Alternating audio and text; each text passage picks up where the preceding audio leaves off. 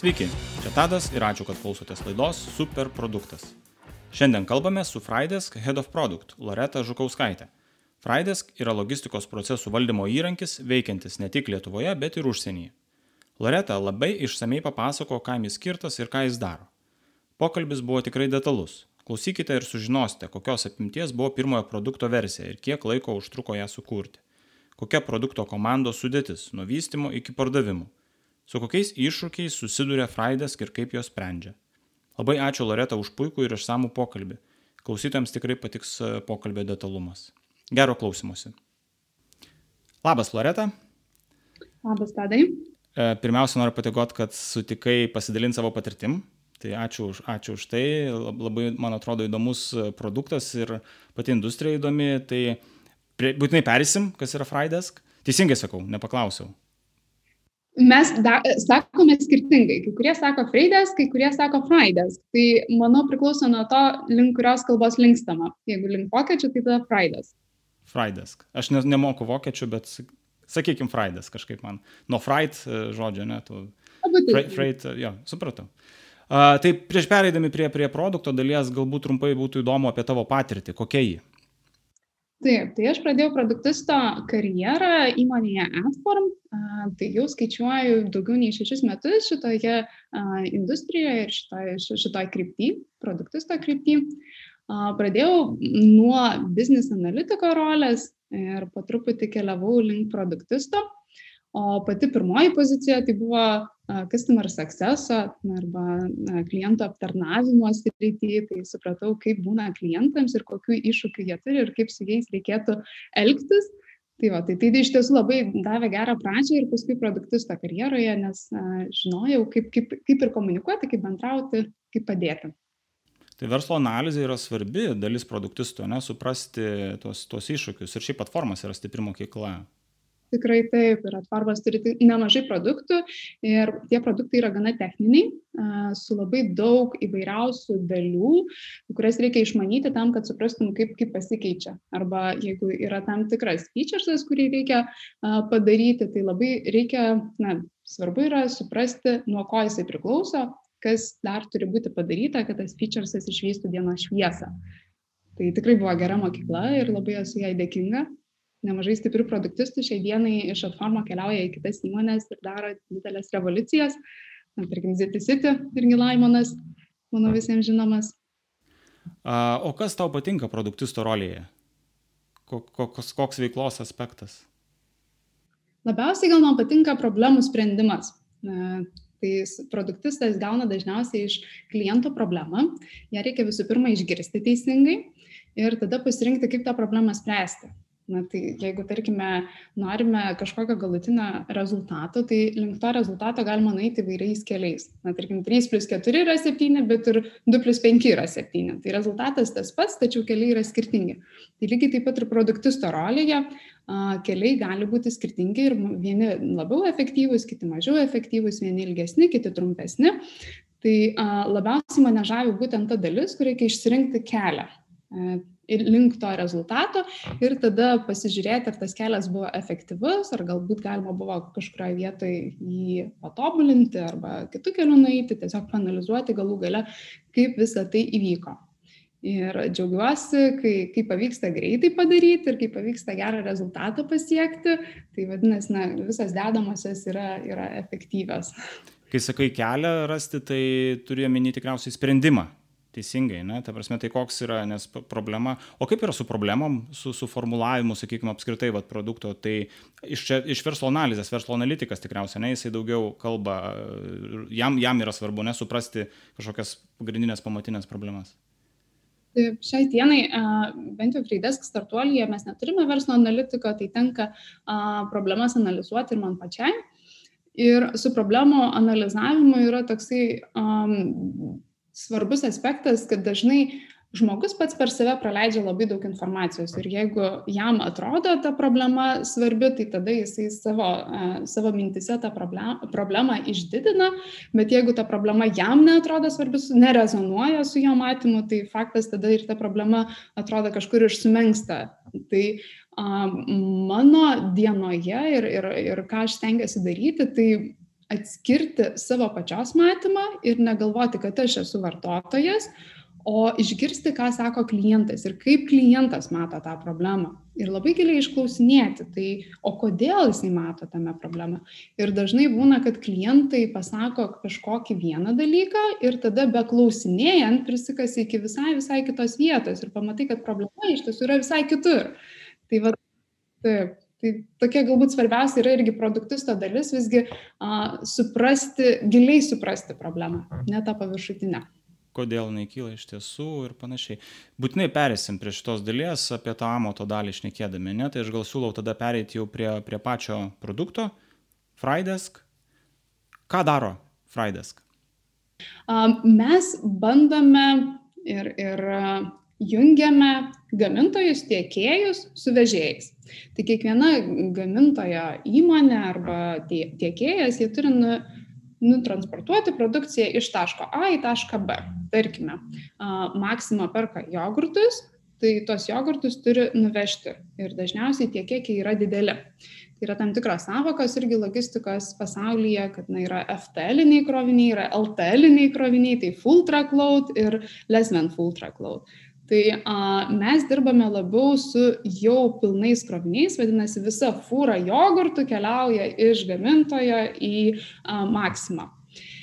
Tai gamintojas gali um, įvairiais keliais susirasti vežėją, jisai gali tiesiog atsiversti savo užrašų knygutę ir paskambinti savo uh, buvusiems partneriams ir taip apskambinti juos 4-5, susirasti gerą kainą ir tada su, su, su, tiesiog sukirsti rankom su vienu iš tų vežėjų.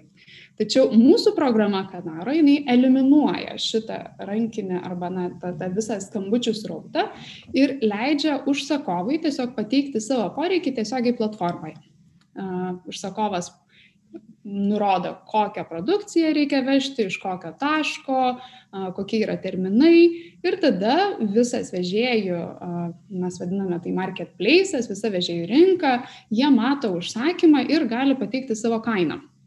Tada užsakovas išsirenka geriausią kainą ir dažniausiai tai būna kainos ir kokybės santykis, patvirtina uh, užsakymą ir tada jau prasideda pats užsakymo valdymas. Tai mūsų platforma padeda ir užsakovui, ir vežėjui taip pat ir suvaldyti užsakymą. Vadinasi, joje galima pažymėti, kad produkcija yra pasiimta, tarkime, iš gamintojo, nuvežta į maksimą, galima mm, prisekti dokumentus, galima įvesti įvairiausius kontaktus, kuriais reikia susisiekti ir paskui patvirtinti užsakymą, pažymėti, kaip sekėsi užsakymą vykdyti, ar patiko, kaip užsakovas, tarkime, supakavo produkciją, atidavė produkciją, ar patiko, kaip vežėjas vežė produkciją. Ir paskui matyti visus šitos duomenys statistikoje. Tai yra kaip atvažiuoja vežėjai laiku, kokios kainos yra tvirtinamos, ar viskas vyksta taip, kaip įsivaizduoja užsakovas arba vežėjas, arba galbūt yra kažkur vietų, kur yra neefektyvu ir reikėtų patobulinti procesą.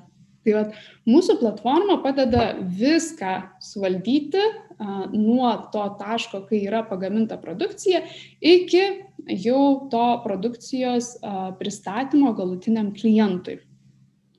Ir taip pat dar turime vieną papildomą modulį, kuris vadinamas Time Slot Booking. Tai a, leidžiame jo pagalba registruoti, rezervuoti laikus sandėliuose. Ir tai reiškia, kad a, jeigu reikia pasimti produkciją, tai sandėlininkai jau savo ekranuose, tarkim televizorių ekranuose, mato konkretų kalendorių ir mato, kas turi atvažiuoti ir kokią produkciją pasimti tai tada nebereikia vežėjams laukti prie sandėlių, nereikia uh, gaišti savo laiko, jie tiksliu laiku atvažiuoja, tiksliu laiku pasikrauna ir išvažiuoja o kas yra kokia komanda stovi ta prasme ką noriu paklaust yra ta ta atsiradimo istorija. Kas per žmonės? Ar ar kažkas buvo prieš tai nes būna dažnai kad kažkokie tai vat ne neatsiranda gi tos idėjos iš niekur. Gal gal gali truputėlį papasakot ir tada pereisim vat pagilinsim patį produktą. Turiu keletą klausimų iš tavo dabar papasakojimo. Tai kas kas stovi už uh, Frydesk Tai e, atsiradimo istorija tikrai yra įdomi. E, tai yra dviejų klasiokų verslas. Taip, tai um, vienas, uh, vienas iš įkūrėjų yra Andrius ir uh, jisai visą laiką, beveik visą savo aktyvų karjeros laiką yra pradirbęs logistikoje ir būtent jisai susidūrė su visomis problemomis, kurios kyla rankiniu metodu koordinuojant logistiką. Na ir jam kilo mintis, kad reikia čia kažkaip optimizuoti. Ir ypatingai uh, sustiprėjo šitas, uh, šitas pojūtis, kad čia tikrai turi būti kažkoks pervesmas industrijoje. Po to, kai atsirado Uberis, Boltas, kai buvo labai paprasta, neskambinėjant ir nekviečiant per dispečerės taksi, tiesiog atversti programėlę, išsikviesti taksą, nuvažiuoti ten, kur reikia. Tai um, po to, po, po būtent šitokių kelių aplikacijų, Andrius pasikvietė Martyną, o Martynas yra žinomas e, jau startuolių pasaulyje, labiau tokiai, tokiai verslo aplinkoje.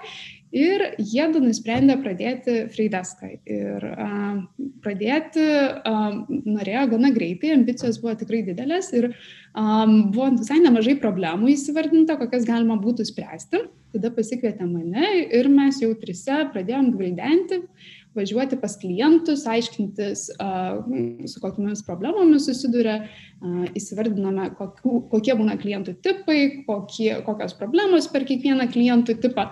Ir tada išsiprioritizavome tas problemas ir pastartavome su produktu. Ir realiai per tris mėnesius mes jau turėjome pirmą MVP versiją, kurią pateikėme savo pirmiesiams klientams. Supratau, trys mėnesiai tai super greitai. Tai būtinai paliesim tada tą MVP dalį, kas ten buvo joje, ne?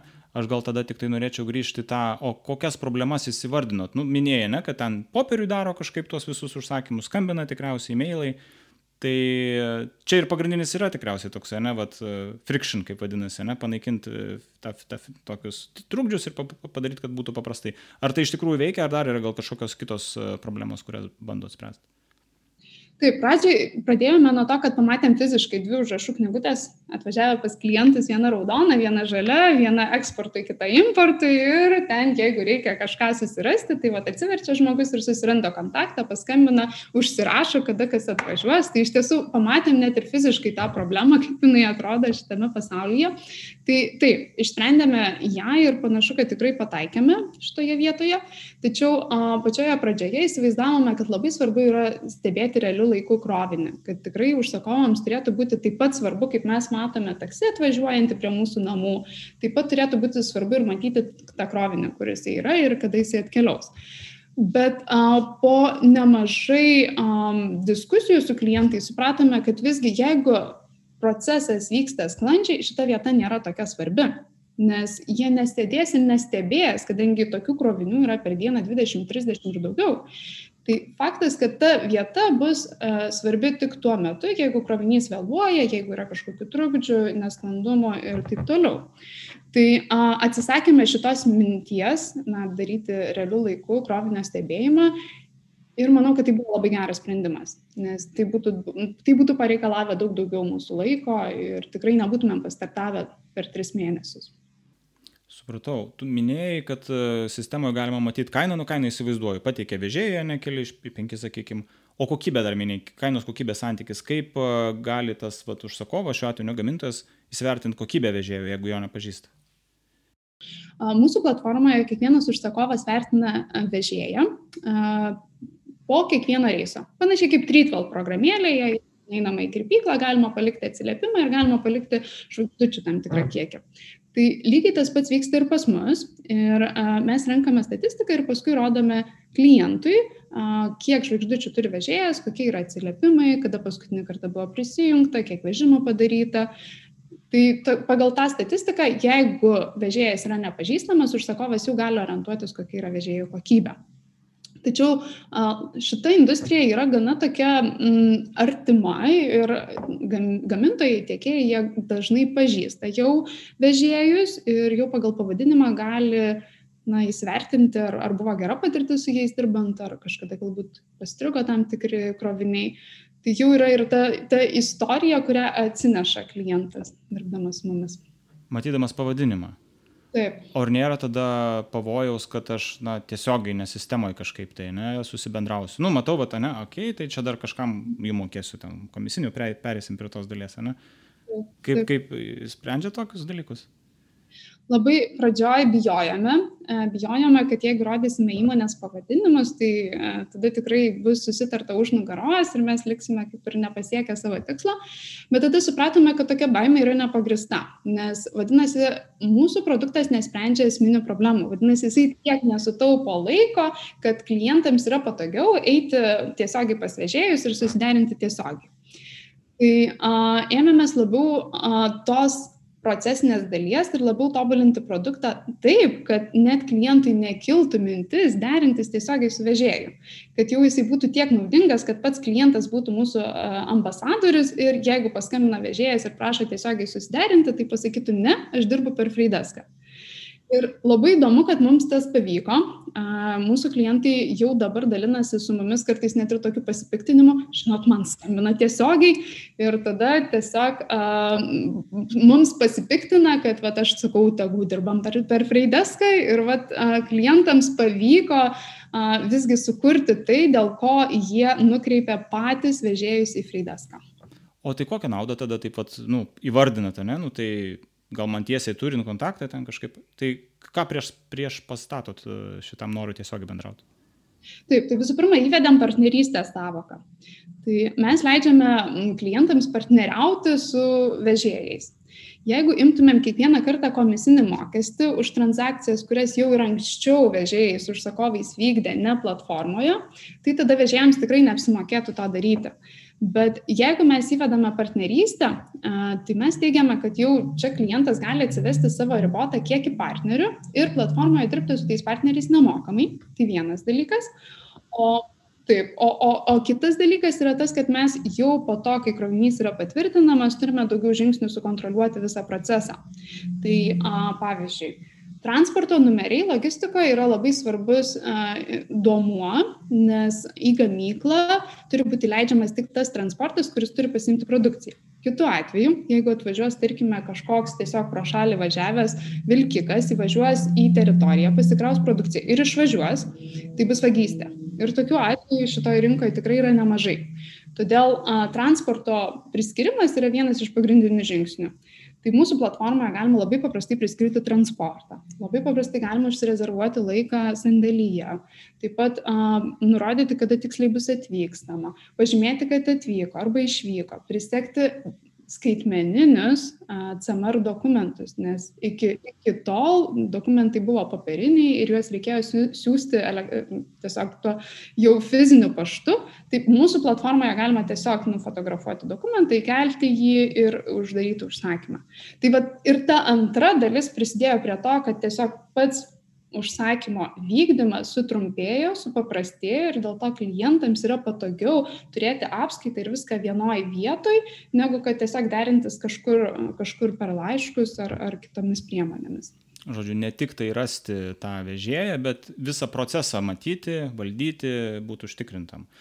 Gerai, minėjai, kad yra tie trys čia suskaičiavau, ne tos rolės. Yra gamintojas, kuris tiekėjas kažką turi išsivežti reikia, yra vežėjas, kuris veža ir yra sandėlys, tai tikriausiai čia susijęs su, su gamintoju, ne? tai yra gamintojas kaip, kaip asmuo, kažkoks vadybininkas, bet yra prekės kažkur sandėly, tai čia ta nauda tokia iš tos perspektyvos.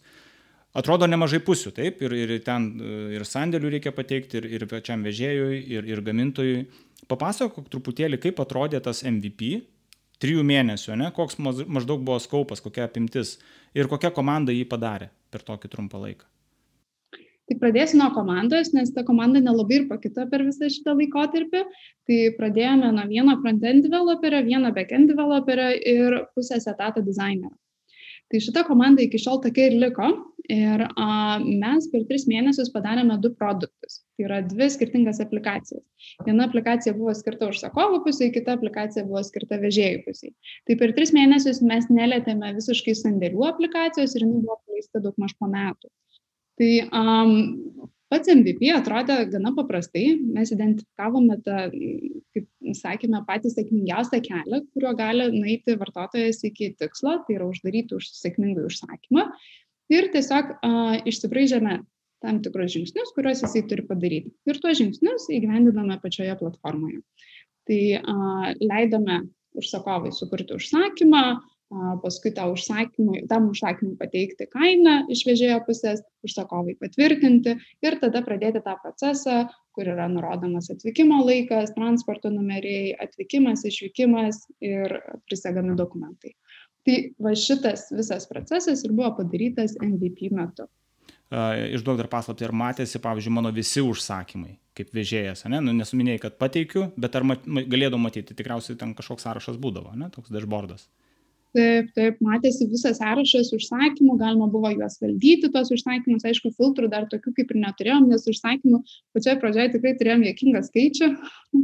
Ben, pamenu tos laikus, kai jeigu būdavo platformoje 10 užsakymų per dieną, tai visi šakinėjom, džiugaujam, einam šampaną gerti. Aišku, dabar jau tas yra pasikeitęs. Taip. O koks buvo tikslas MVP? E, išsibandyti, greičiau į rinką išeiti, prasivaliduoti kažką, tai ką kėlėt ir kaip paskui kokie buvo žingsniai?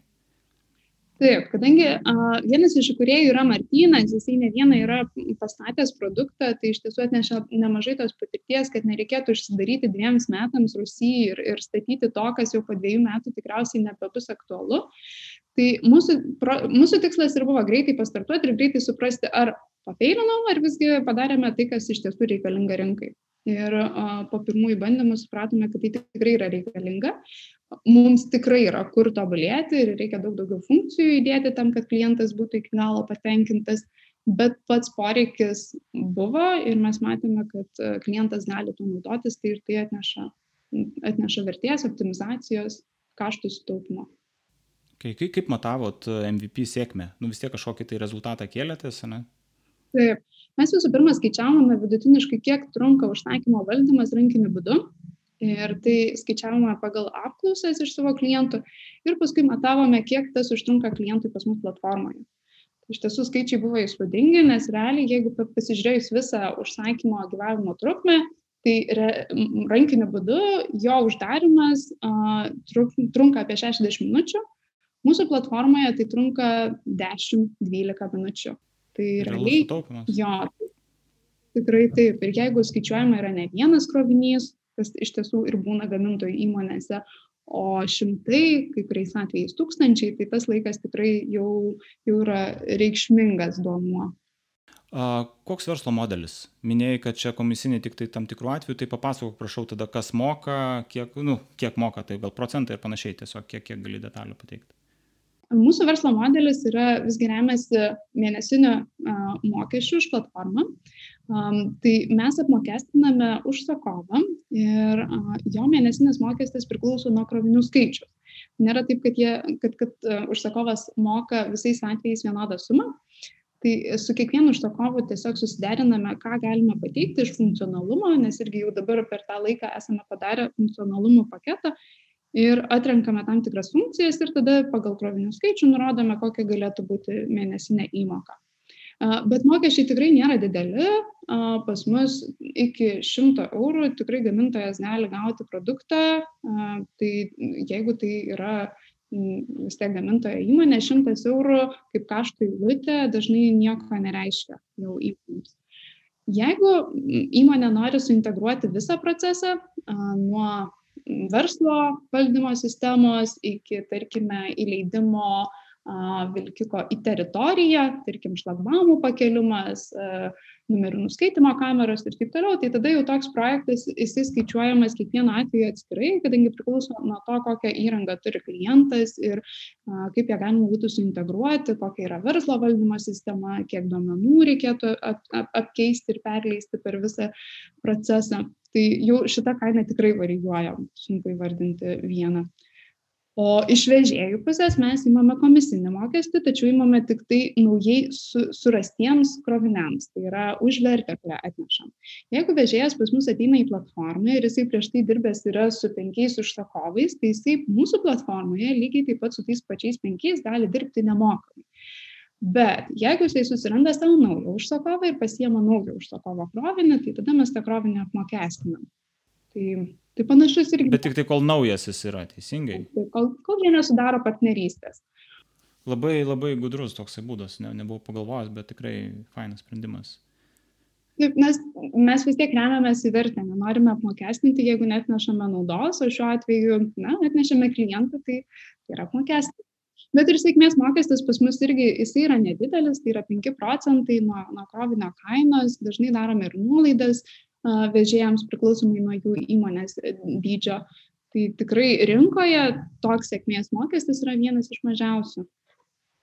Supratau. O apie rinką paminėjai, vadinasi, yra kažkokių žaidėjų kitų. Gali paminėti, ar kas tokie, kokiose rinkose jie žaidžia? Taip, šiai dienai mes labiau lygiuojamės į didesnius žaidėjus, tai um, yra vokiečiai, Sender, jie labiau orientuojasi į skaitmeninį ekspeditorių, jie taip vadina savo, savo įrankį, nes turi pakankamai didelę žmonių komandą, kuri padeda klientams apdoroti jų visą pervežimų srautą. Tai jie nemažą dalį funkcijų atlieka žmonių pagalba, o ne platforma. Tai dėl to jie ir vadina save skaitmeniniu tiesiog ekspeditoriumi. Tačiau jie ne, pakankamai sėkmingai plečiasi, nusipirko Uber Freitą, nusipirko Everaudą, kitą irgi didelį prancūzų žaidėją. Tai a, tikrai panašu, kad apie jį išgirsime greitų metų ir Baltijos šalise. E, Latvijoje jau įkurtas jų ofisas su 30 žmonių. Tai tikrai toksai žaidėjas, kur, kur mm, išgirsime ir žinosime apie jį. O a, kitas didelis ir žinomas a, Baltijos šalyse ir vakarų Europoje yra Transparion. Jie yra daug senesni, jie jau gyvoja rinkoje daugiau nei 20 metų Tai um, gal sakyčiau, galima būtų čia tokią analogiją tarp HubSpot'o ir Salesforce'o padaryti. Na, tiesiog, kad jie jau yra labiau Salesforce'o pusėje, tokie senesni, vis dar tikrai duoda nemažai gerų funkcijų ir inovuoja savo sprendimą, tačiau jie yra lėti šitoje rinkoje ir panašu, kad startuolis e, su gera investicija tikrai gali greitų metų jau transparionai ir pralenkti. Ir, na, dar yra įvairių mažų arba mažesnių bent jau konkurentų, tai yra toks supply stack, irgi gan, jie yra inovatyvesni iš vakarų Europos ir, ir pakankamai gerai irgi išsprendė problemas ir pati platforma yra patogi, Tik tai visų šitų trijų, na, tokių panašių sprendimų kaina tikrai yra didesnė negu kad, e, ką mes siūlome. O jeigu iš panašaus kalibro, na, Lietuvoje dar yra GauRamp įmonė, jie labiau orientuojasi į sandėlių valdymą, o mes į visą užsakymo valdymo procesą, tai nesame visiškai panašus, tačiau, tačiau jie irgi yra startuolis ir, ir um, dabar plečia savo veiklą Baltijos šalise ir, ir, ir plačiau. Tai va, tai tokie galbūt būtų pagrindiniai konkurentai. Tai visi, visi siekia to paties, realiai sutaupyti kaštus užsakovo pusėje. Bet kaip tik nepaklausiu apie, apie tas rinkas, tai netiesiogiai atsakėjai ir Pabaltis yra, ir Vokietija. Ar čia tos, ar pagrindinės, ar dar yra daugiau?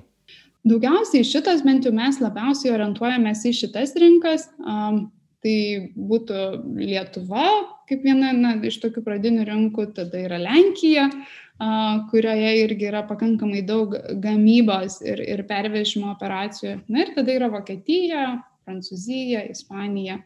Tai šito, šitos konkurentus, kuriuos paminėjau, jie pakankamai aktyviai vykdo veiklą būtent vakarų Europoje. Tai yra, tai yra Vokietija, Lenkija, Prancūzija.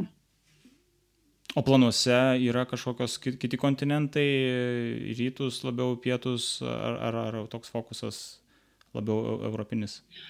Šiai dienai galvojame tik apie Europą, su, rytai, su rytais yra problema, visgi jeigu mes galvojam, kad Baltijos šalise dar gal truputį to techninio reikėtų daugiau supratimo ir noro naudotis įvairiais įrankiais, Tai Rusijoje tikrai ta situacija yra dar prastesnė ir a, pati logistika Rusijoje yra tokiam žemesnėme lygyje, e, jeigu Europoje yra tam tikri standartai, kurie yra taikomi vilkikams, pervežimams, atlyginimams, vairuotojų gyvenimui ir taip toliau, tai Rusijoje nieko panašaus nėra, ten tokia, tokia, tokias laukinės taisyklės, e, plus yra muitinė, su kuria irgi reikėtų tada turėti kažkokį kontaktą, o šiai dienai muitinė nėra labai skaitmenizuota, tai vėlgi reikėtų tada ieškotis sąlyčio taškų. Dėl to kol kas rytus, į rytus nesidairome, labiau vakarų Europą, panašu, kad ten tiesiog yra lengviau ir pats žmonių gal požiūris į skaitmenizaciją, į verslo efektyvumą yra šiek tiek palankesnis mums. Ir skaidrumas ten tikriausiai gal nėra pats pirmoji vietoje, ne, čia vis tiek. E, o, tai labai, čia, labai labai geras iš tiesų pastebėjimas, taip, mes ir dabar čia su skaidrumu kovojame, tai, tai Rusijoje tikriausiai būtų dar blogiau.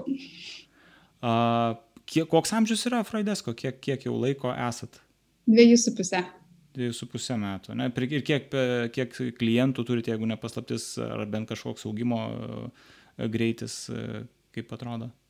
Mes turime šiai dienai apie 40 klientų, tai jau yra tie, kurie pas su mumis dirba, nuo, na, tai yra jau moka platformos mokestį ir, ir sėkmingai veža.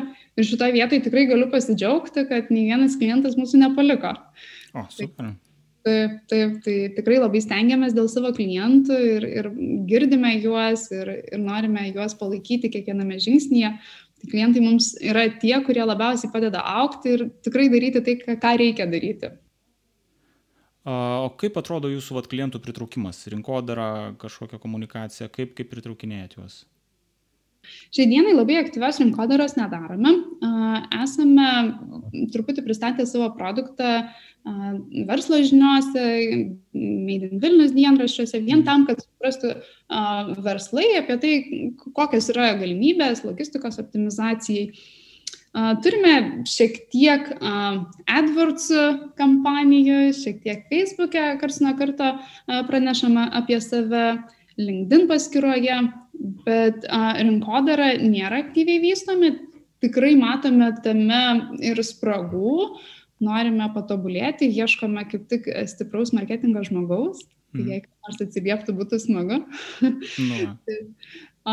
o šiaip iš pačios, iš pačios, iš pačių pardavimų pusės mūsų pardavėjai kreipiasi į klientus, ieško įmonių, kurioms mes galime padėti. Tikrai nesikreipiame į visas gamybos įmonės, nes a, žinome, ką mes galime suteikti vertę.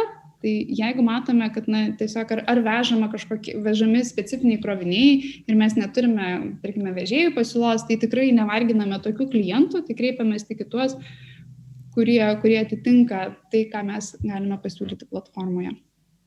O kodėl, sakyk, tos rinkodaros dar ne, nedarot, jau liktais planuojat, e, amžius 2,5, tai aš taip suvedu, kad dar produktas galbūt nėra paruoštas, ar ne tokiai masiniai, sakykime, kažkokiam kompanijom, kad jau būtų galima tuos klientus, tai dar vadinasi vyksta kažkoks market fito paieškos, ar, ar, ar kažkaip kitaip? Tikriausiai rinkodarai buvo netyčia pamiršta, labai buvom susifokusavę į tai, ką galime padaryti ir buvome susifokusavę į pardavimų tobulinimą. Visgi pardavimai tokioje rinkoje nėra lengvas dalykas, susidurėme su labai įvairiais žmonių įsivaizdavimais, kas yra tos platformos ir kam čia jas reikalingos. Labai dažnai girdime, kad pas mus viskas tobula, mums tikrai nereikia jokių optimizacijų, mes puikiai vat, vat, žmonių, jie puikiai susitvarko su visais šitais uh, kroviniais. Tai um, pardavimai patys buvo sudėtingas procesas, mes turėjom perprasti, kaip prieiti prie kliento ir tikriausiai labiau susifokusavome į tą dalį ir visai pamiršome apie rinkodarą. Tai sakyčiau, kad taip netyčia nutiko, kad mes rinkodaros nepaleidžiam e, ir neturėjome komandoje galbūt tokio specialisto, kuris galėtų mus išvesti ant kelio. Dabar susivokėme apie, apie šitą spragą ir, ir ieškome ir manau, kad greitų metų pasidarysime. Tai gal nereikia čia tos rinkodaros, gal čia yra ta sales driven kompanija, kur nu, pardavimai tiesioginiai ir panašiai. Kiek beje yra pardavėjų pas jūs? Pas mus pardavėjų šiai dienai yra šeši. Tai, tai, daug, ne, palyginus tada toks. Taip, taip, bet mes per skirtingas rinkas uh, dirbame. Tai turime du pardavėjus Lenkijoje, vieną pardavėją Latvijoje ir va, tris Lietuvoje. Tai um, šiai dienai matome, kad tikrai yra klientų, kurie ateina patys pas mus, jeigu, tarkime, LinkedIn įdomesnį straipsnį parašome arba, tarkime, po verslo žinių straipsnio. Ir tokie klientai, kai jie ateina, jie puikiai supranta, ko jie nori, ir ką gali gauti čia ir su jais yra labai paprasta dirbti. Tai vien dėl to norėtumėm turėti daugiau rinkodaros pajėgumų tam, kad pritrauktumėm tuos klientus, kurie patys ieško, būtent vat, jau patys supranta, kad jiems reikia tokio sprendimo ir tada mes labai greitai galime pasiūlyti. Supratau. O pardaviminės priemonės, vat kažkokios, ar čia tiesiog tiesiogiai ieškau per LinkedIn, dar kažkur tai, ar darot kažkokius vis tiek, nežinau, kompanijas, skambinti, nors negalima pagal GDPR dabar, ne, tai kaip, kaip tas pardavimų procesas labai trumpai neišsiplečiant, jeigu gali papasakok. LinkedInas, vienas yra iš pagrindinių kanalų, o tada dar turime savo praeitų klientų sąrašą, su kuriais jau šiek tiek esame susi, sus, susitarę ir, ir kalbėję, tai kars nuo karto su jais pasišnekame apie tai, kad pas mus, pavyzdžiui, platformoje atsirado naujas funkcionalumas, kuris jiems buvo anksčiau reikalingas. Na ir Ir paskui, jeigu yra tam tikra informacija pateikiama ir klientai patys pas mus ateina arba užsiregistruoja tinklalapyje, norėdami gauti naujienas.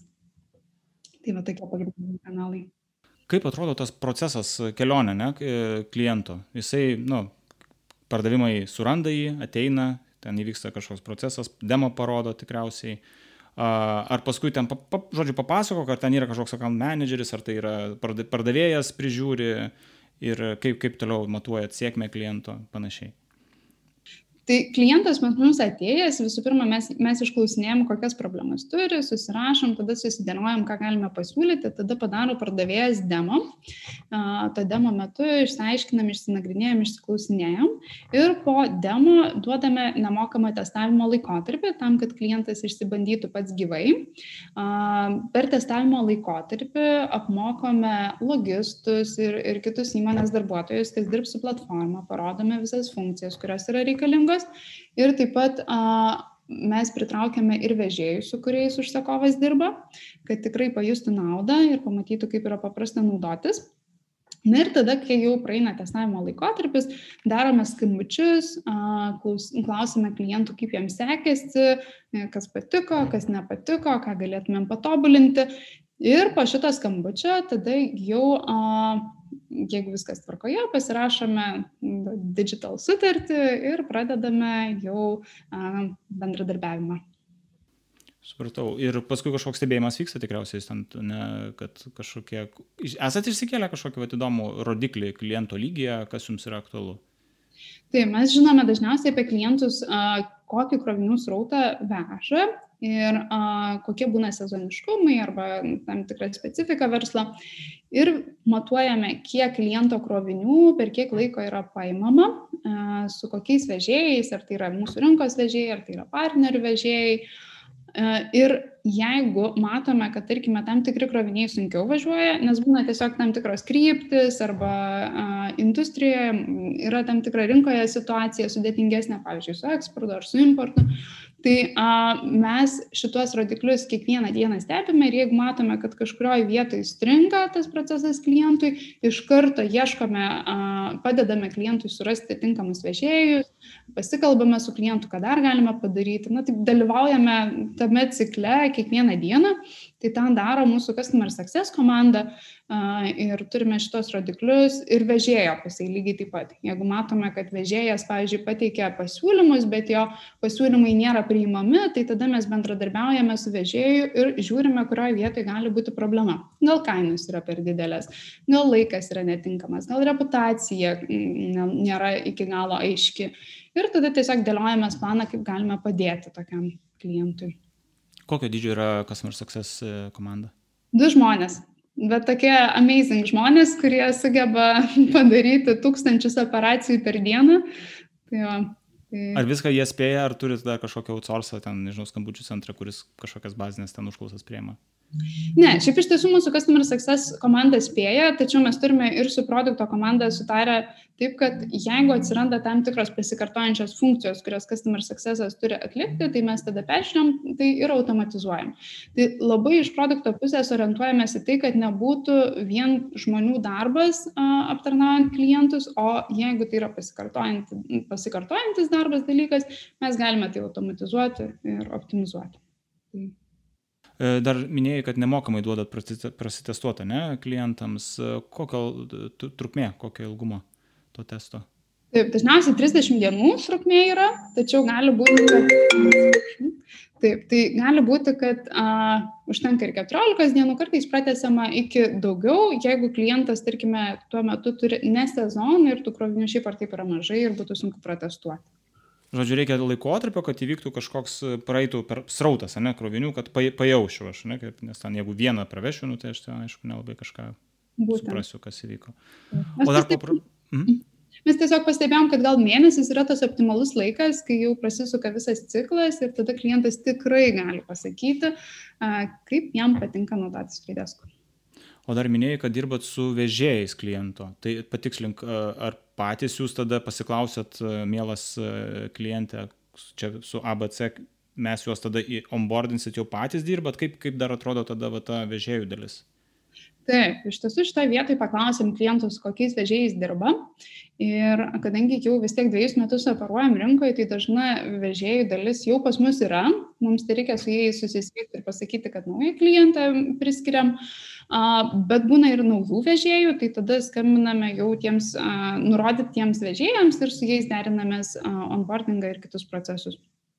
Bet tai atkeliauja šitą informaciją iš užsakovo. Okay. Ačiū už patikslimą minėjai, kad nei vienas klientas jūsų nepaliko. O iššūkių turi tada kažkokių tai, su, su kuo susidurėt? Begalė, tikrai iššūkių tikrai, labai daug turime. Pirmas iššūkis yra, kai per pardavimą mums pasako, kad mums nereikia optimizuoti savo logistikos.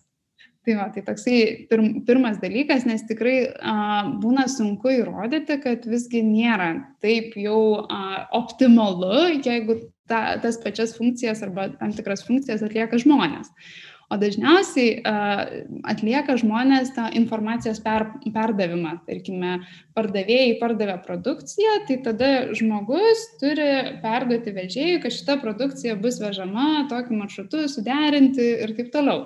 Ir a, jeigu produkcija, tarkim, atkeliauja iki sandėlio, paskambinti sandėlininkui, pasakyti, kad jau atvažiavo ir at, toks tiesiog informacijos perdavimas iš vieno taško į kitą tašką. Tai va, tai mes šitoje vietoje tikrai norime parodyti dažnai klientui, kad na, šitą vietą galima efektyvinti ir tai gali atlikti platforma. Tai pirmas toksai iššūkis, tiesiog su pačiu supratimu ir, ir, ir su požiūriu į verslą.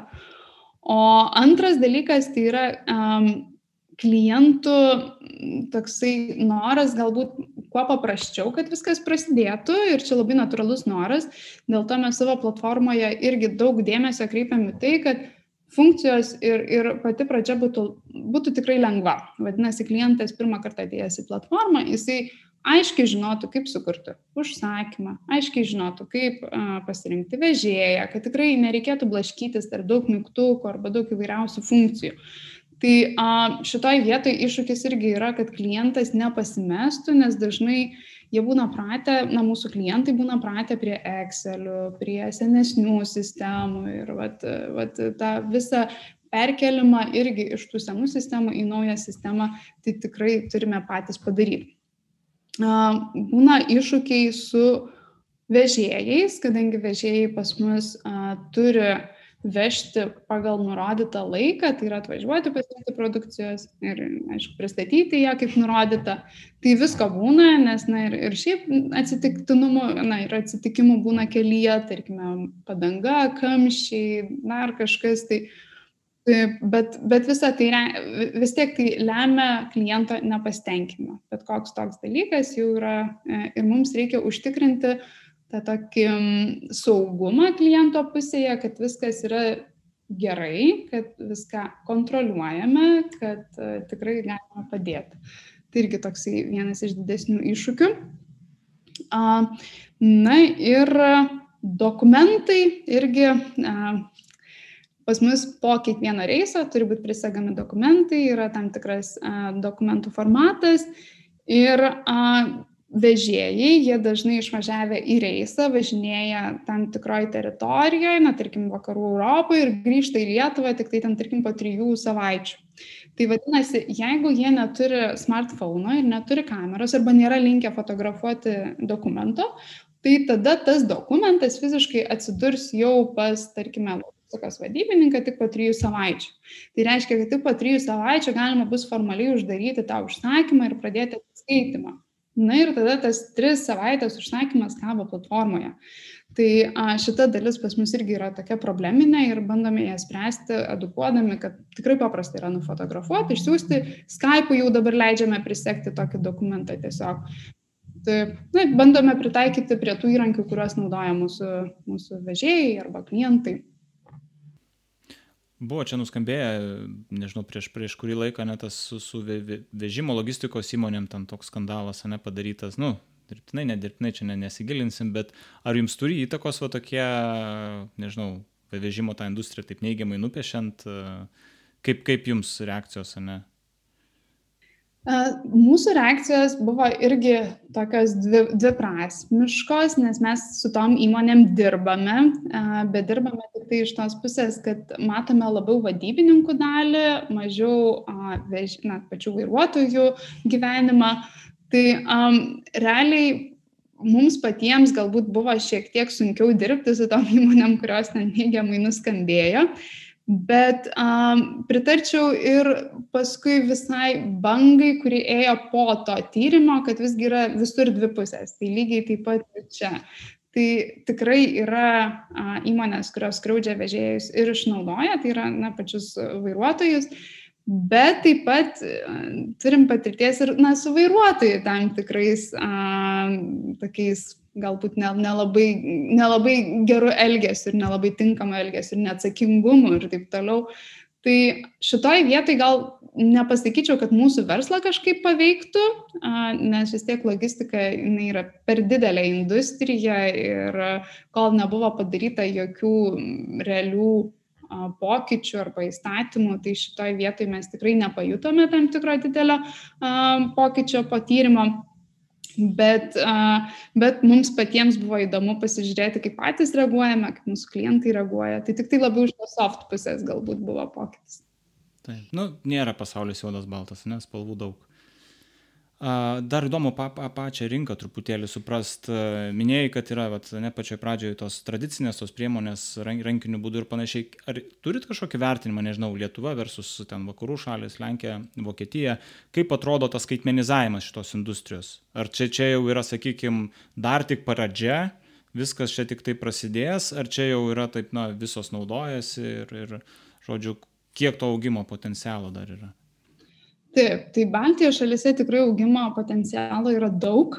Mes susidarėme su klientais ir, ir na, turime tokį net vidinį juoką, kad visgi konkuruojame ne su kita platforma, su užrašų knygute.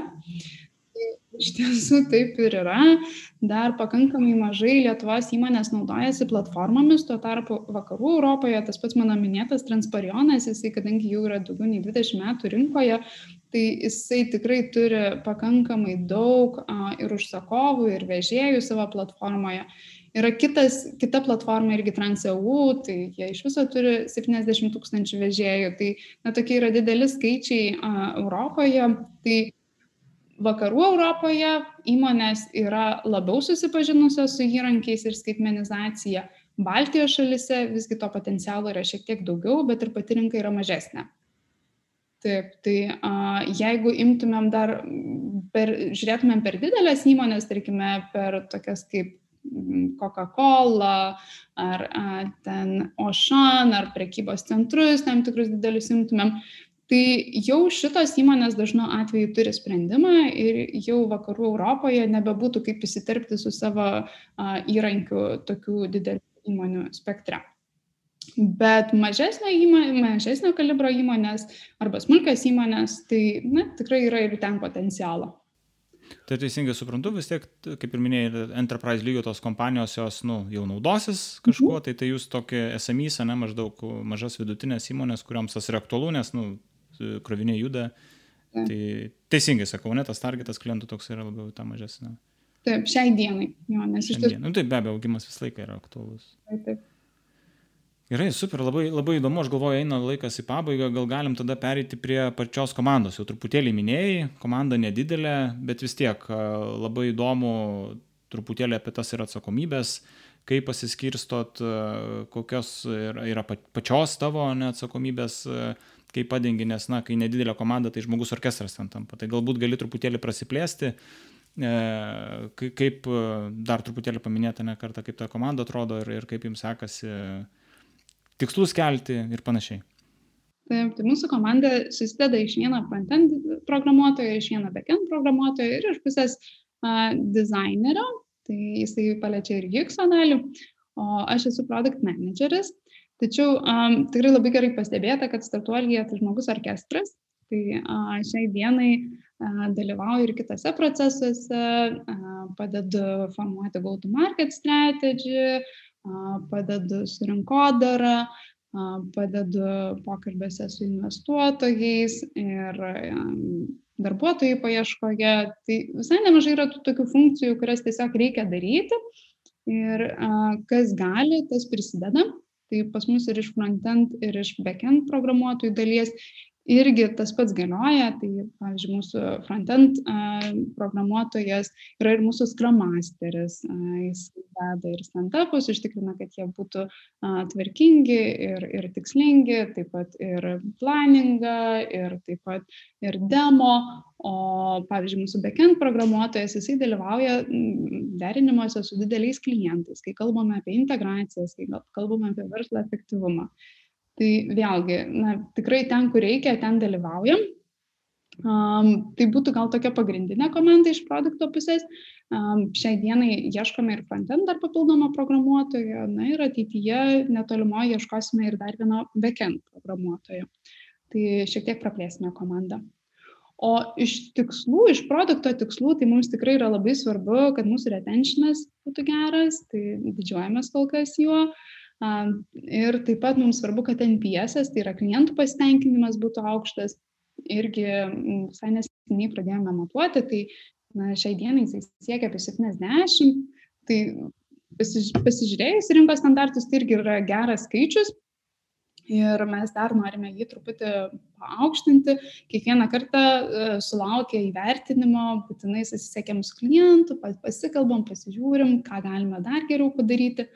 Tai va, tai tokias galbūt iš, produ, iš produkto pusės tokios būtų metrikos. E, tikrai svarbu yra mūsų laikas, per kiek laiko mes išeiname su featuresu jau pas klientą, nes a, vadovaujamės tuo, a, tuo tokiu mąstymu požiūriu, kad na, jeigu ne, neturi, nenaudoja klientas, tai vadinasi tikrai jokios vertės nesukūrėme. Tai, va. tai iš tiesų šita vieta svarbi, stebime ją, bandome kuo greičiau paleisti tai, kas naudinga, O gal iš verslo pusės, tai tikrai norime kelti savo mokių klientų bazę, tai yra tiesiog turėti daugiau klientų, tai tas vadinamasis MRR, čia jau yra gal labiau SAS verslui tinkama metrika, tai, va, tai mes jie irgi labai, ją vadovaujamės ir turime tikslus. O dar grįžtant atgal į komandą QA, tai jau patys visi kartu kažkaip tai, ne, prasitestuojat, pasižiūrit, kad viskas vyktų. Nemažai aš einu, bet tikrai būna, kad, e, tarkim, backendo darbas jau eina frontendas. Okay. Dažnai įdomu man pasirodė, kad e, turit vieną backenderį, vieną frontenderį, okay, bet ieškot dar tada frontenderio.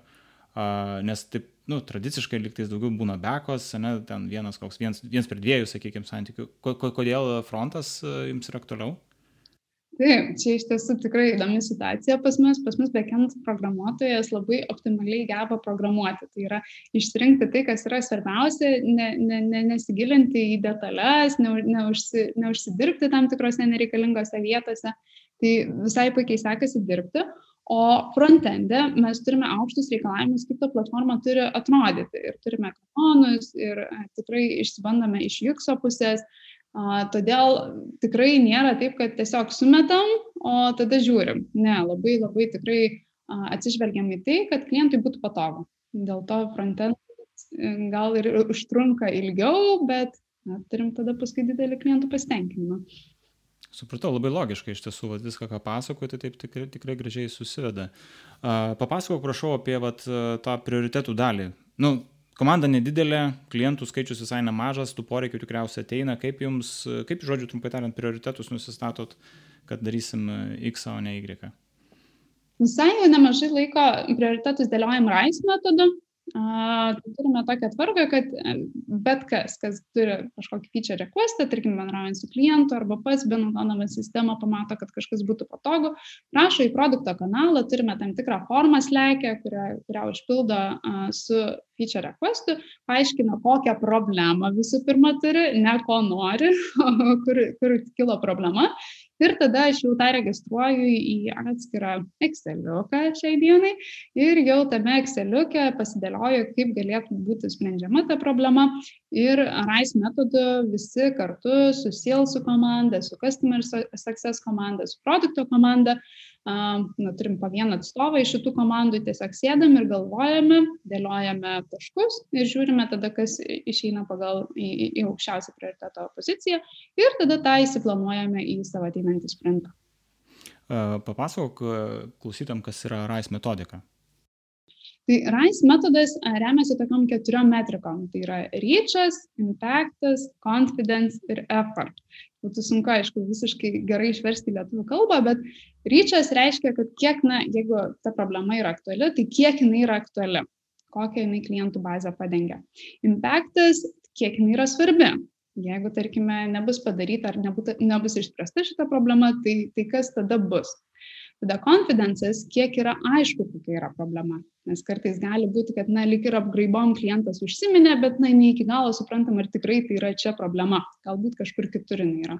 Na ir tada effortas tai yra tiek, kiek komandai reikės laiko arba kaštų tam, kad tą problemą išspręstų tai va ir kadangi yra dauginamas ryčas impaktas ir konfidencas ir tada dalinama iš eforto tai gaunamas labai geras santykis tarp vertės ir tarp to kiek reikės a, investuoti į tą sprendimą kuo santykis aukštesnis, to aišku prioritetas aukštesnis. Taip, ačiū už paaiškinimą. O kaip dažnai daro tuos vat, pasiskaičiavimus? Nu, ta prasme, minėjai komandą įtraukia, tai vadinasi kažkoks ritualas, ne?